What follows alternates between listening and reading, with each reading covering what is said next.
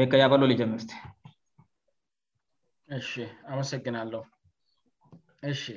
በመጀመሪያ ደረጃ ምናልባት እንደ ሀሳብ ማከል ያለብኝ አለ እንግዲህ በኢትዮጵያ ሁኔታ እስከ ዛሬ እስከ ዘንድሮ አንድ ፓርቲ መንግስትን ስመራ ነው የኖር ነው ስለዚህ ሁልጊዜ አሸናፊእና የተሸናፊ መንታሊቲ ነው ያለው እኛ ገር ደግሞ እንደምታወቀው እንደ አሜሪካ ሁለት ፓርቲ ብቻ አደለም ያለው ሁላችንም እንደምናውቀው ማለት ነው ማልታፓርቲ ሲስተም ነው የምንለው ያ ማለት ምንድንነው ሁልጊዜ እንግዲህ ትሊስ በኢትዮጵያ ህገ መንግስት ላይ በተቀመጠው መሰረት ፊፍት ፕላስ ከድምጽ ከሰጡ ሰዎች 5ምሳ ርሰንት ከመቶኛ ፕላስ ያመጣ ሰው ነው ሙሉ በሙሉ ጠቅልሎው መንግስት የሚመራው እስከዛ የምናውቀው ማለት ነው ምናልባት ሶስተኛ ማራጭም እንደሚፈጠር ዘንድሮ መታወቅ አለበት እንደው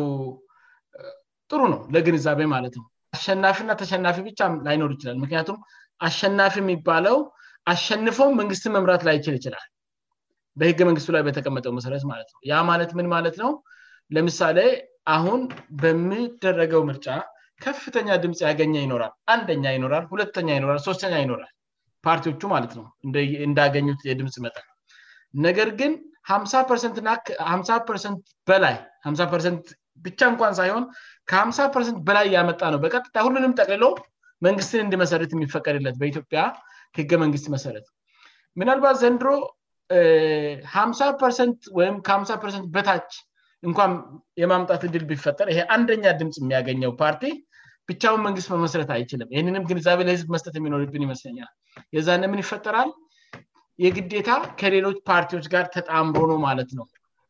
በጋራ የኢትዮጵያ መንግስት የሚመራን መንግስት የሚያቋቁሙት ስለዚህ አዲስ ታሪክም ዲፈጠር ይችላል አናቅ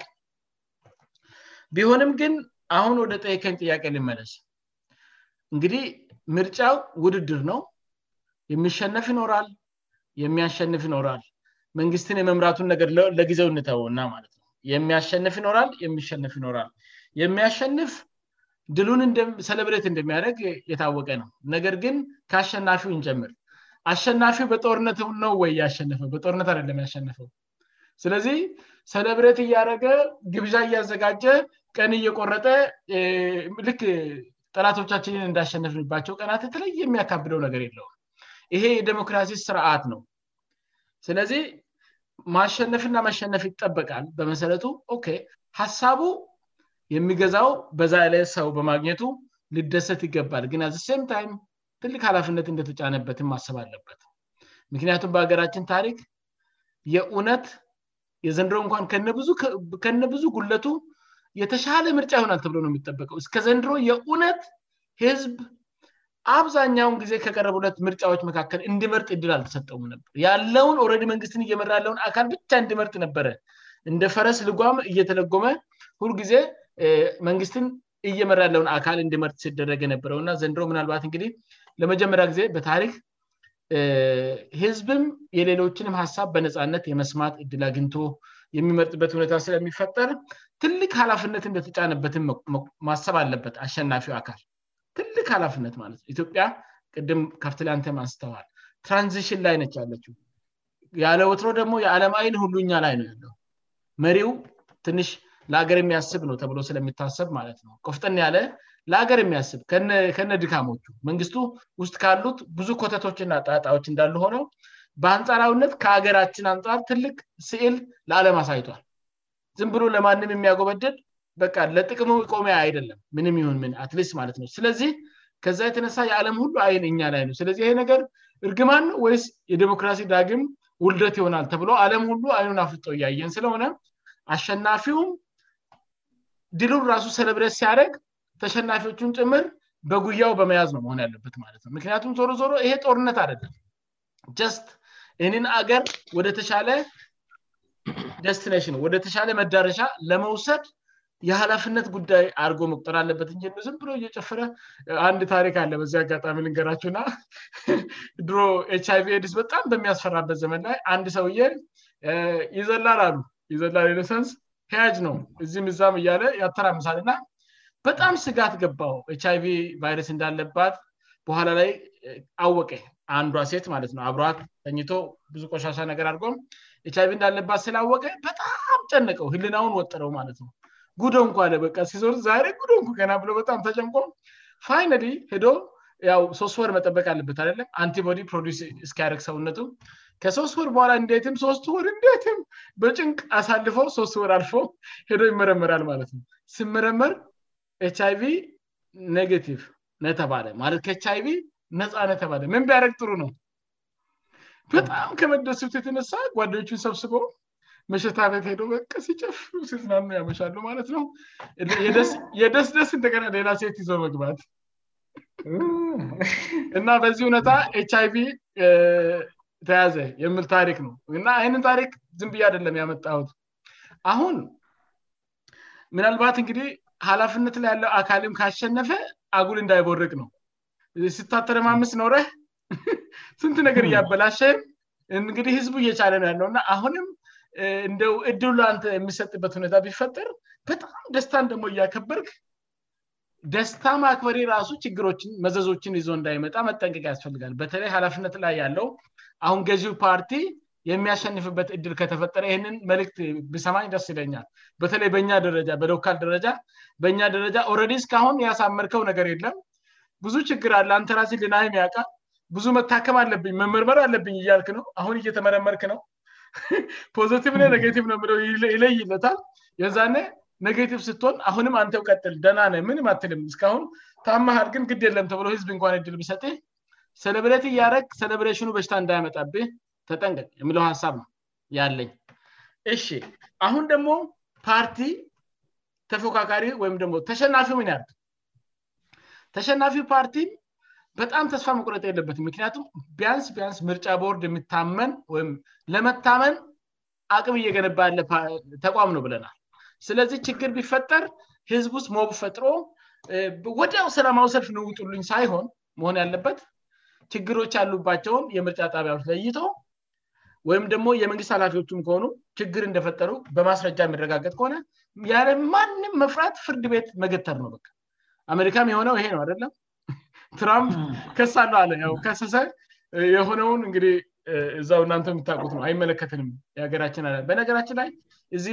ያለበት ገር ባለፈው ሰኞው ምርጫ ነበር አልነገርኳቸው ምንም እንደቁም ነገር ስለማይታይና የዚህና ያክል ከባድ ስላልሆነ እንጂ ብሔራዊ ምርጫ ነበር ሰው ማለት ነው ግን ምንም እንደተፈጠረ እንኳን አይታወቅም ታፔላዎች ነበሩ ማስታወቂያዎች ነበሩ ልክ ምርጫው በተደረገ በማግስቱ አንድ ታፔላ አታይም ከተማ ውስጥ አለቀ በቃ ውጠቱ ተለጠፈ ኢንተርኔት ላይ ሁሉም ሰው የ ምንም የተፈጠረ ነገር የለምስ እንደ ማንኛውም የመንግስት ስራ ሆኖ ነው ያለፈው አዲስ ተአምር ስለሌለው ማለት ነው እዚህ ሀገር በነገራችን ላይ እንደ ኢትዮጵያ ማልታዊ ፓርቲዎ ሲስተም ነው የሚከተሉት ፓርቲዎች የሚያገኙት ከመቶኛ ሀ0 ፐርሰንት እንኳን በአግባባ አይሆንም ገብቷቸውን hmm. ህዝቡ ለሚፈልገው ፓርቲ ነው ከመቶኛ እያንዳንዱ ፓርቲ የሚያገኘው ድምፅ ሀ0 ፐርሰንት እንኳን አይሞላም እንደዚህ ነው ተከፋፍሎ ተከፋፍሎ ግን በጋራ ሆነው መንግስት ይመሰርታሉ ማለ የግዴታ አንድ ፓርቲ መሆኑ የለበትም እንዲያውም ፓርቲዎች ሰብሰብ ብለው በጋራ የተለያየ አመለካከት ያላቸው በጋራ መንግስት ሲመሰርቱ የተሻለ ይሆናል ጠንካራ ክርክሮች ይደረጋሉ የሚወጡ ህጎች ላይ የአንድ ፓርቲ መነፅር እይታ ብቻ አይሆንም ስለ አገር ስለሆነ የሚታስበው ማለት ነውና ከአንድ በላይ የሆነ ከሁለት በላይ ነ ከሶስት በላይ የሆነ ሪፍክሽን ተደርጎበት ህጎችም ሲወጡ ጠንካራ ህግ ይሆናል ከዛ አንጻር ማለት ነው እሱ እግር መንገድ በር ስለዚህ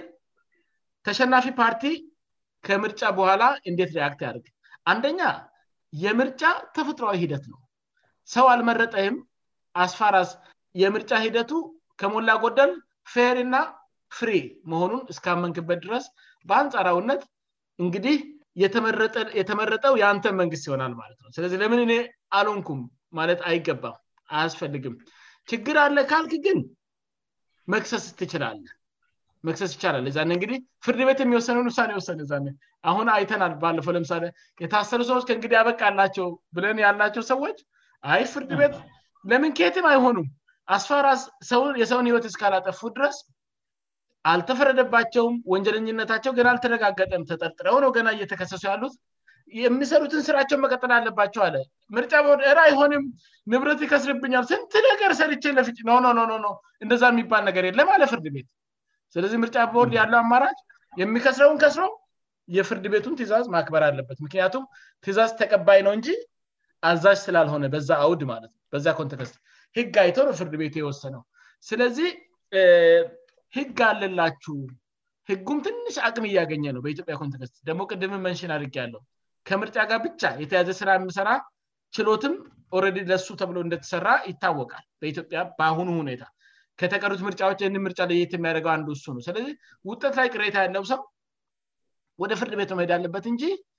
ህዝብ ውስጥ ገብተ ሞብ መቀስቀስ የለበትም ህዝብን ለአመፅ ማነሳሳት የለበትም ህዝብ በእሊት ነው የሚመራው ወይም ደሞ የፖለቲካን ሞተር በሚያንቀሳቀሱ ሰዎች ነው የሚመውና ረ ተበልተናል ካልክ ህዝብ ሆ ብሎው ሊወጣ ይችላል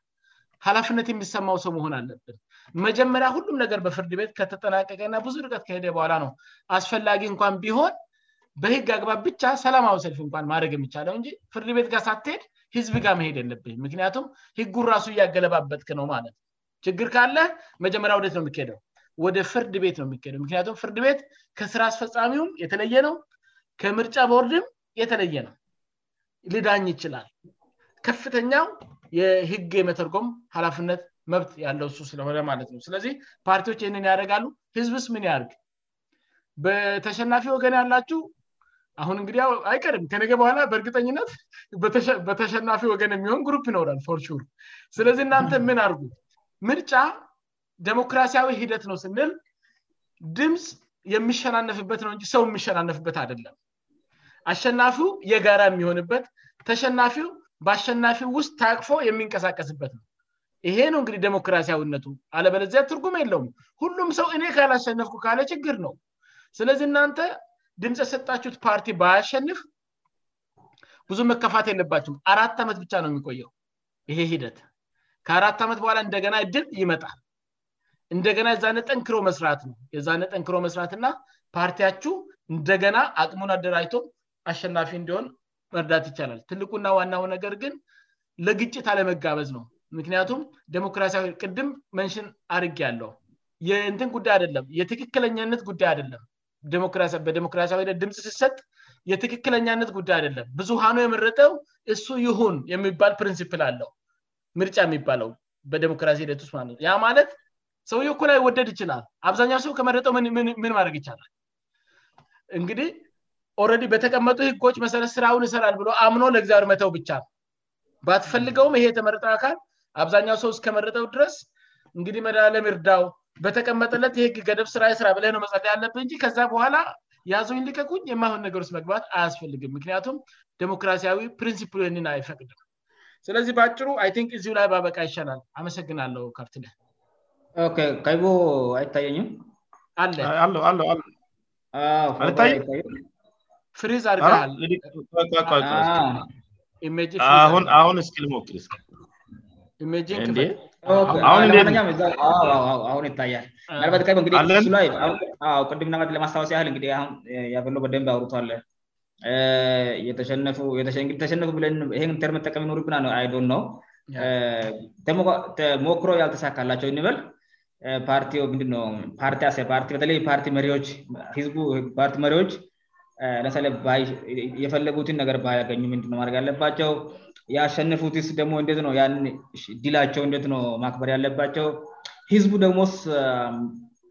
ምንድነ ማድረግ አለበዚ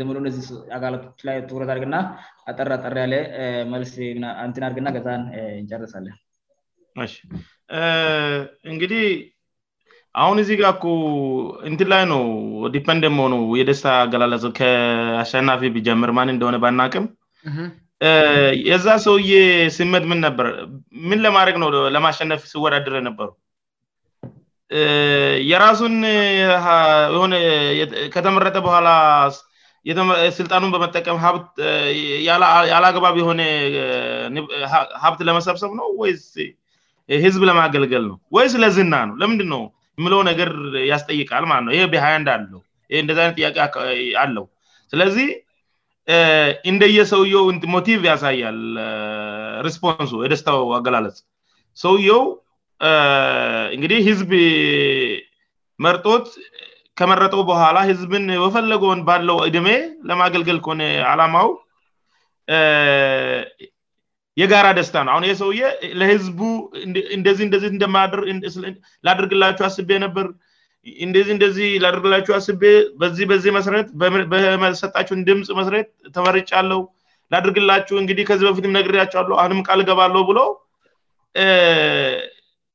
ለህዝብ እንደተመረጠ ያለውን ሞቲቭ ማሳየት አለበት በወሬ ብቻ ሳይሆን በደስታ ጊዜ የምናገረው ብቻ ሳይሆን ደግሞ በዛው ልቅ ወደ መረስ ወርድ ወይዜ እንህ አምስት ዓመት መስ በዛ ጊዜያት ውስጥ ማሳየት አለበት ማለ ነው ስለዚህ አሁን እዚህ ጋር ይሄ መበሻሸቅ ነገር አንዱ በተለይ አሁን የኛ ሰዎች መራጮቹ ህዝብ የሚባሉ ሰዎች ትንሽ ክፍተት አለባቸው ደ የግንዛበት ችግር አለ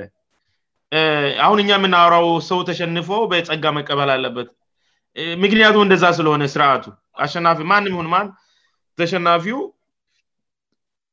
ያኛው ሰውዬ ሀሳብ ስላሸነፈ ሀሳቡ ጋር መጠቃለል አለበት አንድ ላይ ከቻለ መደገፍ አለበት በሀሳብ ሌላ የምርጫ ተርም እስከሚመጣ ማለት ነው እንደዛ የምለውን ነገር አንደርስታንድ ያደርጉ አይመስሉኝም ሰዎች ማለት ነውእንትኖች እና ከዚ የተነሳ እርስ በእርስ ከስር ይኮነ ታተላሉ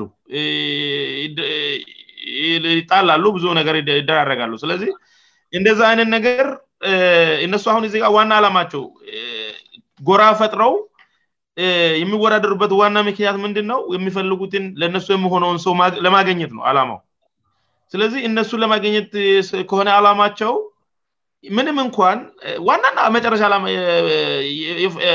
የምሰራላቸው ነገር ስላለእና ያ ነገር የምሰራላቸው ሰው አፖንት ለማድወይለማስቀመጥ ከነ ስለሆነ የጀመሩት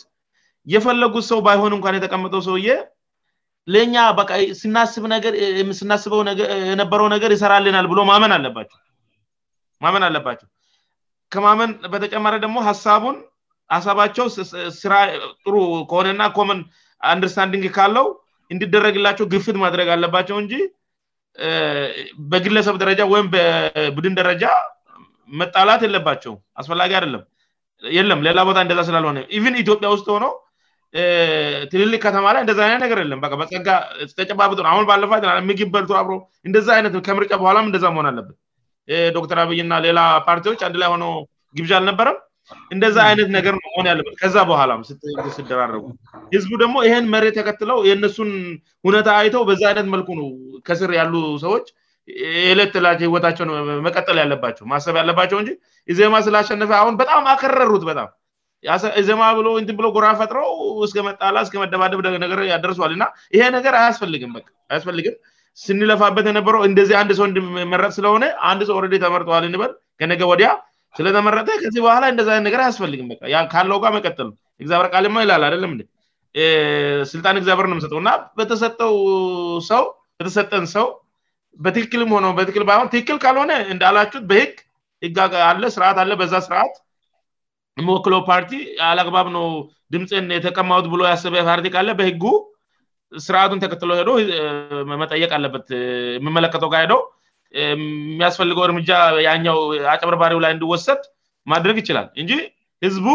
ሆው ብሎ ተነስቶ የባሰ ጥፋት ይሆናል እንጂ ምንም የሚለማ ነገር የለም አንደኛ የራሳቸውን ነውሚሚጎዱት ሰው ካለ የራሳችውራሳቸውብነንብረትም ከሆነ እንደዛው ው ምንም አይጠቅምሆአሁን ለምሳሌ የሰውን ንብረት ብታጠፋ ሰውን ብትጎዳ ምንም የትጠቀመው ነገር የለም ተጨባጭ የሆነ የሚጠቅ ነገር አታገኝም ስለዚህ አስፈላጊ አደለም ሱ እንደ ህዝብ ሳስማ ነው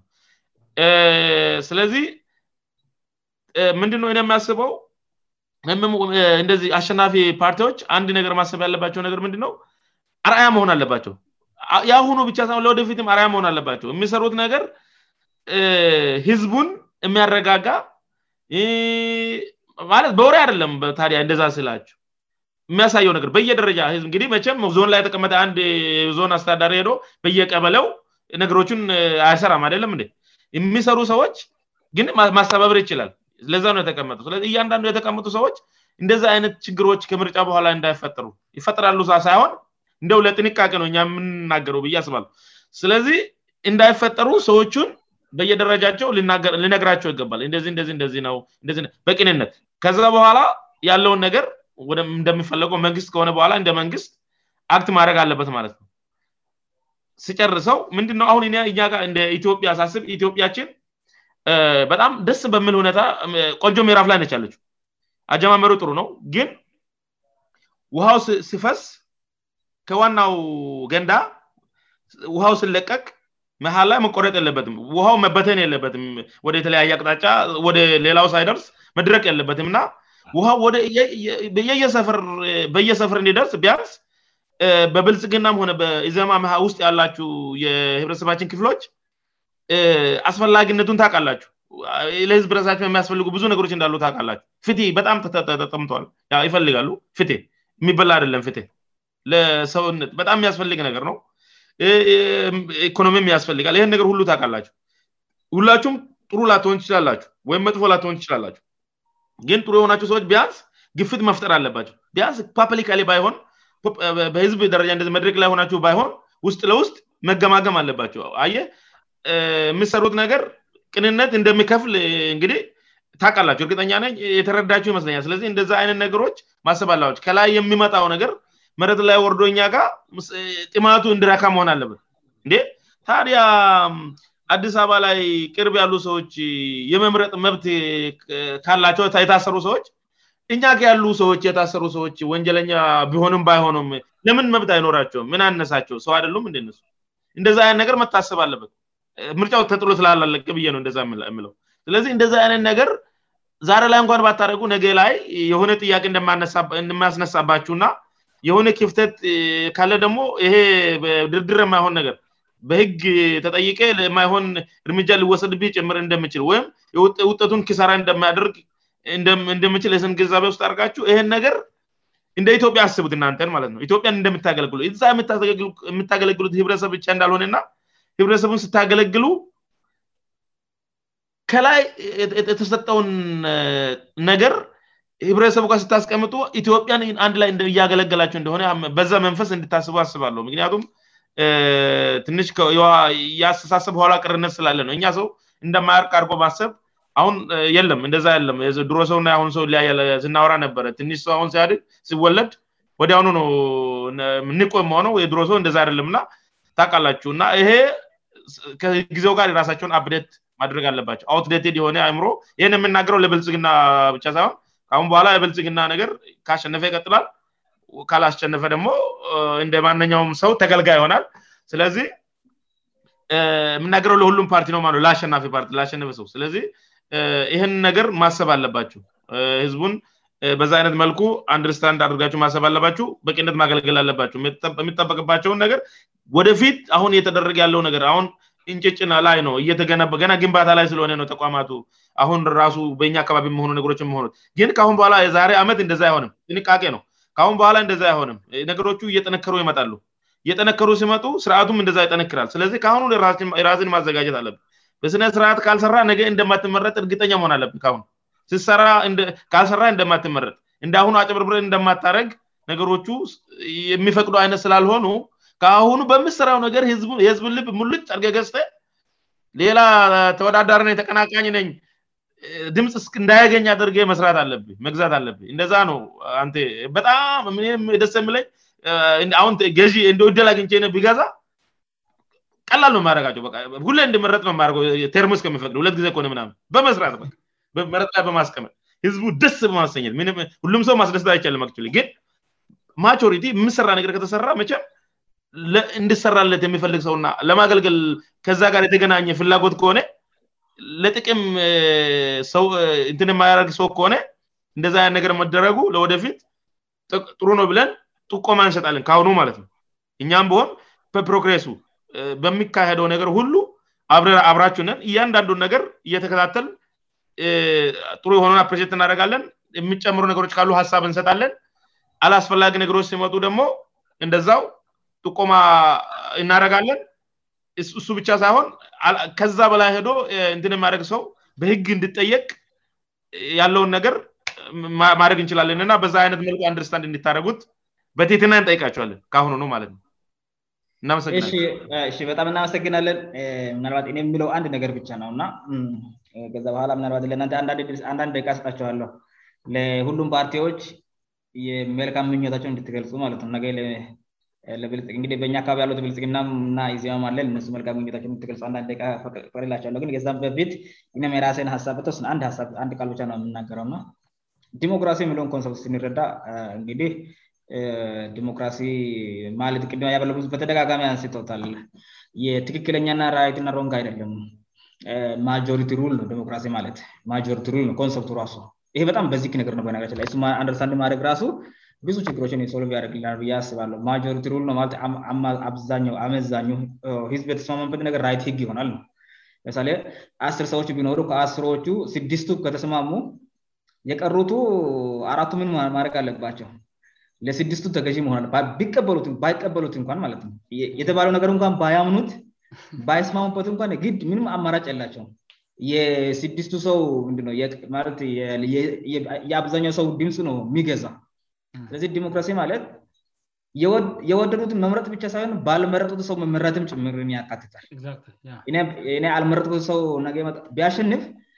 እሱም ጭምር እንድመራኝ መፍቀድንም ጭምር ያጠቃላል ዲሞክራሲ ማለት እንጂ ለምሳሌእያ አልመጡ ገዛብ ህግ የለም ማለት ነው ስምምነ ነለነገሮ ግምምነ ነሌላነርአይደለም ስለዚህ በዚህ ደረጃ አስተሳሰባችን በደ ድና ሁለተኛ ደግሞ ትልቁ ሲዕል ማየት እንድንችል በጣም ነው በተለይ አብዛኛው ህዝቡም ብልጽግና መሆነ ኢ ዜማ በደንብ አንድርስአንድ ማድደረጋ ያለባቸው ትልቁን ኢትዮጵያ የምትሏን ቃልህ መንደር ላይበጣም በቃ ምንም አናመጣ ብንራገጥ ብንገዳደል ምንበኢትዮጵያ ፖለቲክስ ላይ የምናመጣው ተጽዕኖው ያለ ትልቁ ነገር እኛ ርስበርስ ከተስማማን እና ነገሮችን በጣም በስበአውነት መልክ ከያዝን የምንጠቀመው እኛ ነን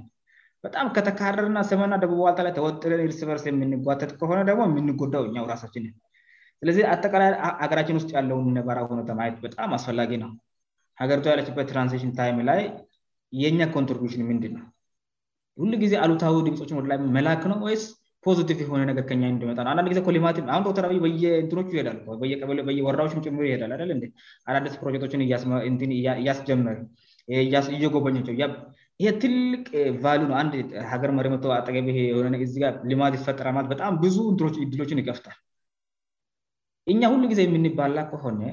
ዶክተር ይ ወደ ኮንሰል ሚመጣበት ምንም አይነት ሚራ ይኖረ እኛ ግን ችግር ለመፍታት ሊመጣ ይችላሉችግር ሊፈወይምደሞአካልተስማማ መችግራችንም እኛን ለማሳረቅ ሊመጣ ይችል ይሆናልያ ደግሞ ልማት አይደለም ግን እበተስማማ መልክ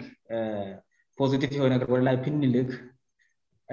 ፖዚቲፍ የነገር ከ ቢሰማ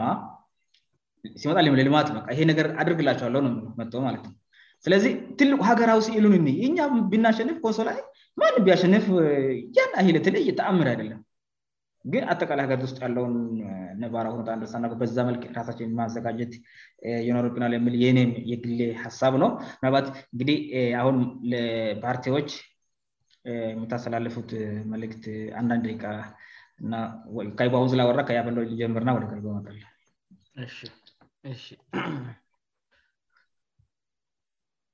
ገልለ መር አመሰግናለና ዋቅዳሽና እንግዲህ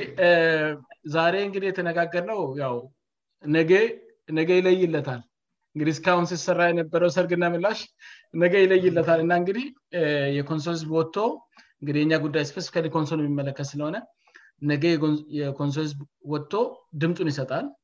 በድምፁ መሰረት እንግዲ የሚያሸንፍ ፓርቲ ይኖራል የሚሸነፍ ፓርቲ ይኖራል ስለዚህ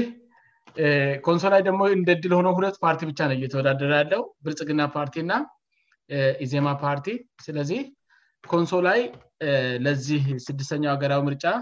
ውድድር ላይ ለነበራችሁና ቁርጣችሁ ነገ ለሚለይ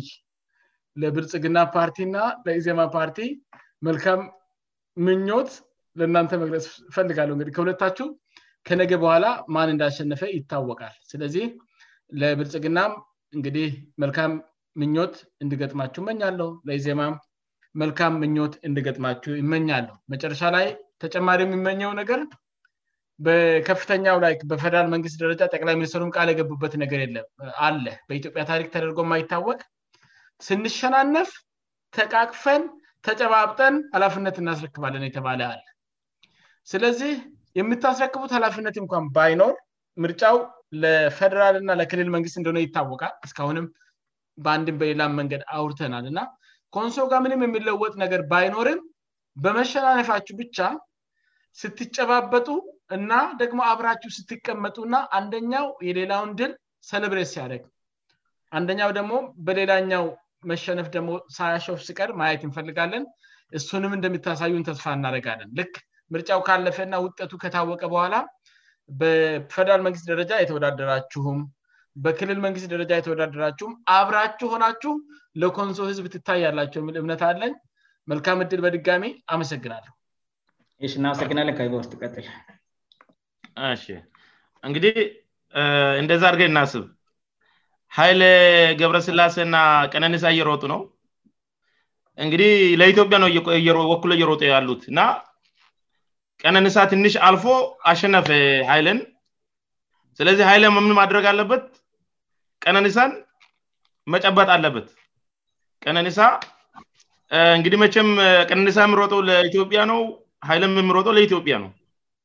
ስለዚህ ሁለቱም ዓላማቸው አንድ ነው ማለት ነው በዚህ አግባብ ነው አንድርሳን ማድረግ ያለብን እና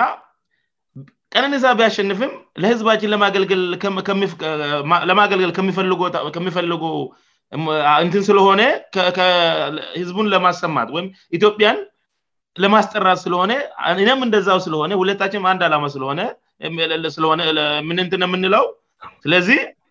የሁላችንም ድል ነው ማለት ነውብ ይታስባል እናንትን እንደዛ ውሰዱት ና ስትወዳደሩ ሁላችሁም ለህዝብ ነው ለህዝብ አገልግሎት ነ እንወክላለን እንሰራላቸዋለን ብላችሁ ስለሆነ የምታደረጉት ከሁለታችሁም ሳድ ተሸናፊ ሆን አሸናፊ አንዱ ለሌላ ደስተኛ መሆን አለበት ምክንያቱም የሚቀርማችው አንዱ ስለተሸነፈ በመናደዱ ወይም አንደኛው አሸናፈ በማናደዱ ምንም አይነት ለውጥ አይመጣ በእውነት ከመንፐሻሸቅ የሆነ ህፃን ጫዋታ በስተቀር ምንም ለውጥ የሉ ስለዚህ በ የትልልቅ ሰዎች ሞደል ውሰዱ ለምሳሌ አሁን አብይና ዶክተር አብይና ሃኖ ፕሮፌሰር ብርሃኖ የሚያደረጉትን ሪሊጅን ይ የውስጡን እንደሱ አድርጉ እንድ ስትሉ በካ ለወደፊት ሌላ ጊዜ እሱም ሲያሸንፍ እንደዛ እንዲሆን ማለት ነው ይሄ ን ግዛምፕል ከሆነ ብነ ብዬ የላች ይጠቅ እና ምንድነው አሁን እኔ ምኞትን ሲገልጽላችሁ እንግዲህ ም ህዝን በጣም ዳለህዝን ስ ሰው ልጅ በጣም ወዳለሁ በአጠቃላይ ስታሰብ አከብራለሁ ወዳለሁ ኢትዮጵያን ህዝብ በጣም ወዳለሁየተወደልጉበት ህዝብ ደግሞ እንደ ማነኛው ሌላ ኢትዮጵያ ደስ ብሎት እንድኖር በ ዘመናዊ የሆነ ህይወት እንድኖር ይመኛለው ይፈልጋል ስለዚህ ይህን ለማድረግ ተመርጦ የተቀመጠ ድሉን ያገኘና ቸነ ፓርቲ ከልበደስታ ዘመን መምራት ዘመን የምንፈልገውን ነገር እንንዱ ገእያንዳንዱ ነገርእ የምንመኘውን ነገር የምሰራበት የምናየበት እንዲሆንልን ይመኛሉው ሌላ ደግሞ ደጋፊው ኛው ተሸናፊው ፓርቲ ደግሞ እንደዛው ሰውየው ያሸነፈውን ሰውየ በሀሳብ እየደገፈ አብሮ እየሰሩ እየተደጋገፉ ታሪክ እንዲሰሩ ይመኛሉ ለማንኛውም በአጠቃላይ እንትስል እንኳን ደሳላችሁ ልል ይችላሉ ምናልባት የግድ የሆነ ሰው ማሸነፍ ስላለበት የሆነ ሰው አሸንፋል ብለ እናስብና እንኳን ንደሳላችሁ ኢዘር ኢዜማ ኦር ብልጽግና ል ድ ር ዩ በት ማሰብ ያለባችው እኛ እናንተን እንድሰሩ ለማድረግ አሁን እያረግነው ያለንሆን ነገር ወደፊትም እንቀጥላለን እናንተም ጥሩ ነገር መልካም ነገር አድርጉ ፖዚቲቭ አስቡ እግዚአር ከሁላችም ጋር ይሁን እንኳን ደስ አላቸው ለአሸናፊዎቹ ለተሸናፊዎቹ ደግሞ ምንም ችግር የለም ሌላ ቀን አለን እናሸንፋለን ብለንስብ ማነው እናመሰግናለን በጣም በጣም የትመቸኝ የቀነንሳና የኃይልን ያነሳበት ጣምይደ ለፍ ፍና ስኩላ ለጥፍ ጥሩ ሀሳብ ነ ለምሳሌ አሁን ቀደምሳ ቢያሸንፍና ሀይል ቢሸንፍ ለማነው የምናበደ ለማና ጨጭበ ለ ናጨበጭበ አሁን ለምሳሌ ምክንያቱ ሁለቱም ሚረጡ ለኢትዮጵያ ደለ ስለዚ በዛም ሆነ በዚህ ወርቅ አገኘን ማለት ነው ነገርች ላይ የኒ አንድረሳንም እበዚ ሌቨል ነ የሚረዳ ለ ኮንሶላ ብልጽቅና ቢሸንፍ አያም ሃፒ ኢዜማ ቢሸንፍ በዛው እምድዛ ሃፒ ነ ኩለምባለፎ ነፅፍቅምለጥሎፌስቡክላና ብልጽቅና ሸንፍ ኮንሶ አሸንፈች ነ ኢዜማ ቢሸንፍ ኮንሶላ አሸንፈች ነ ዞሮ ዞሮ ምንድኖ ትልቁ ነገር ዴሞክራሲን ሳ ድርግናልነው ዲሞክራሲውን ኤክሰርሳይዝ አድርገናል በምርጫ የምንፈልገውን ፓርቲ መርጥናል የሚለው ነገር መልክት ነው ትልቁ ጉዳይ ርጫ ማለ ይው ዋናው አላማ እንጂ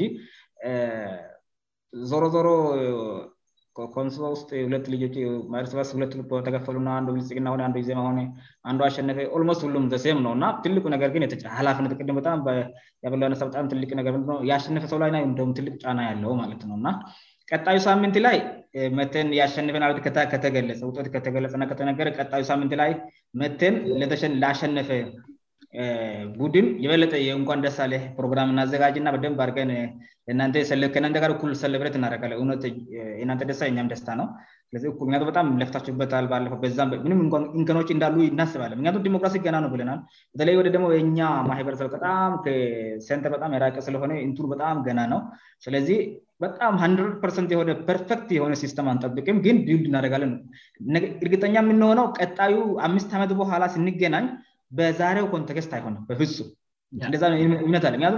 ነቸሩ ራሱ ይቀየራል አጠቃላይ የሰው አስተሳሰብ የሚመጣው ትውልድ ይቀየራል መንግስት ብዙ ሲስተሞች የናባት ንግዲህአሁን ያለው ትራንስሽኑ ካልተጨናከፈ በስጠቀር ማለት ነው እና ተቀጠለ ብዙ ነገሮች ይቀየራሉ ብለን ተስፋ እናደጋለን እና ቀጣዩ ሳምንት ላይ ስንገናኝ ያሸነፈው በተይ ከተነገካልተነገረ እ እቆያለንእምነንጠብቃለከተነገረ ግን ካሸነፈውጋር እንደሰታለንየተሸነፈው አልደግሞ እንደ ወደ ቀድሞ ስራቸው የሚመበት ነሞ እናወራለን ውድ አድማጮቻችን ና ተመለካቾቻችን እስሁን ድረስ ከ ር ስ ቆያች እናመሰግናለን ያደረ ነ ውይይት ይንን ይመስላል እn maልkanቆoy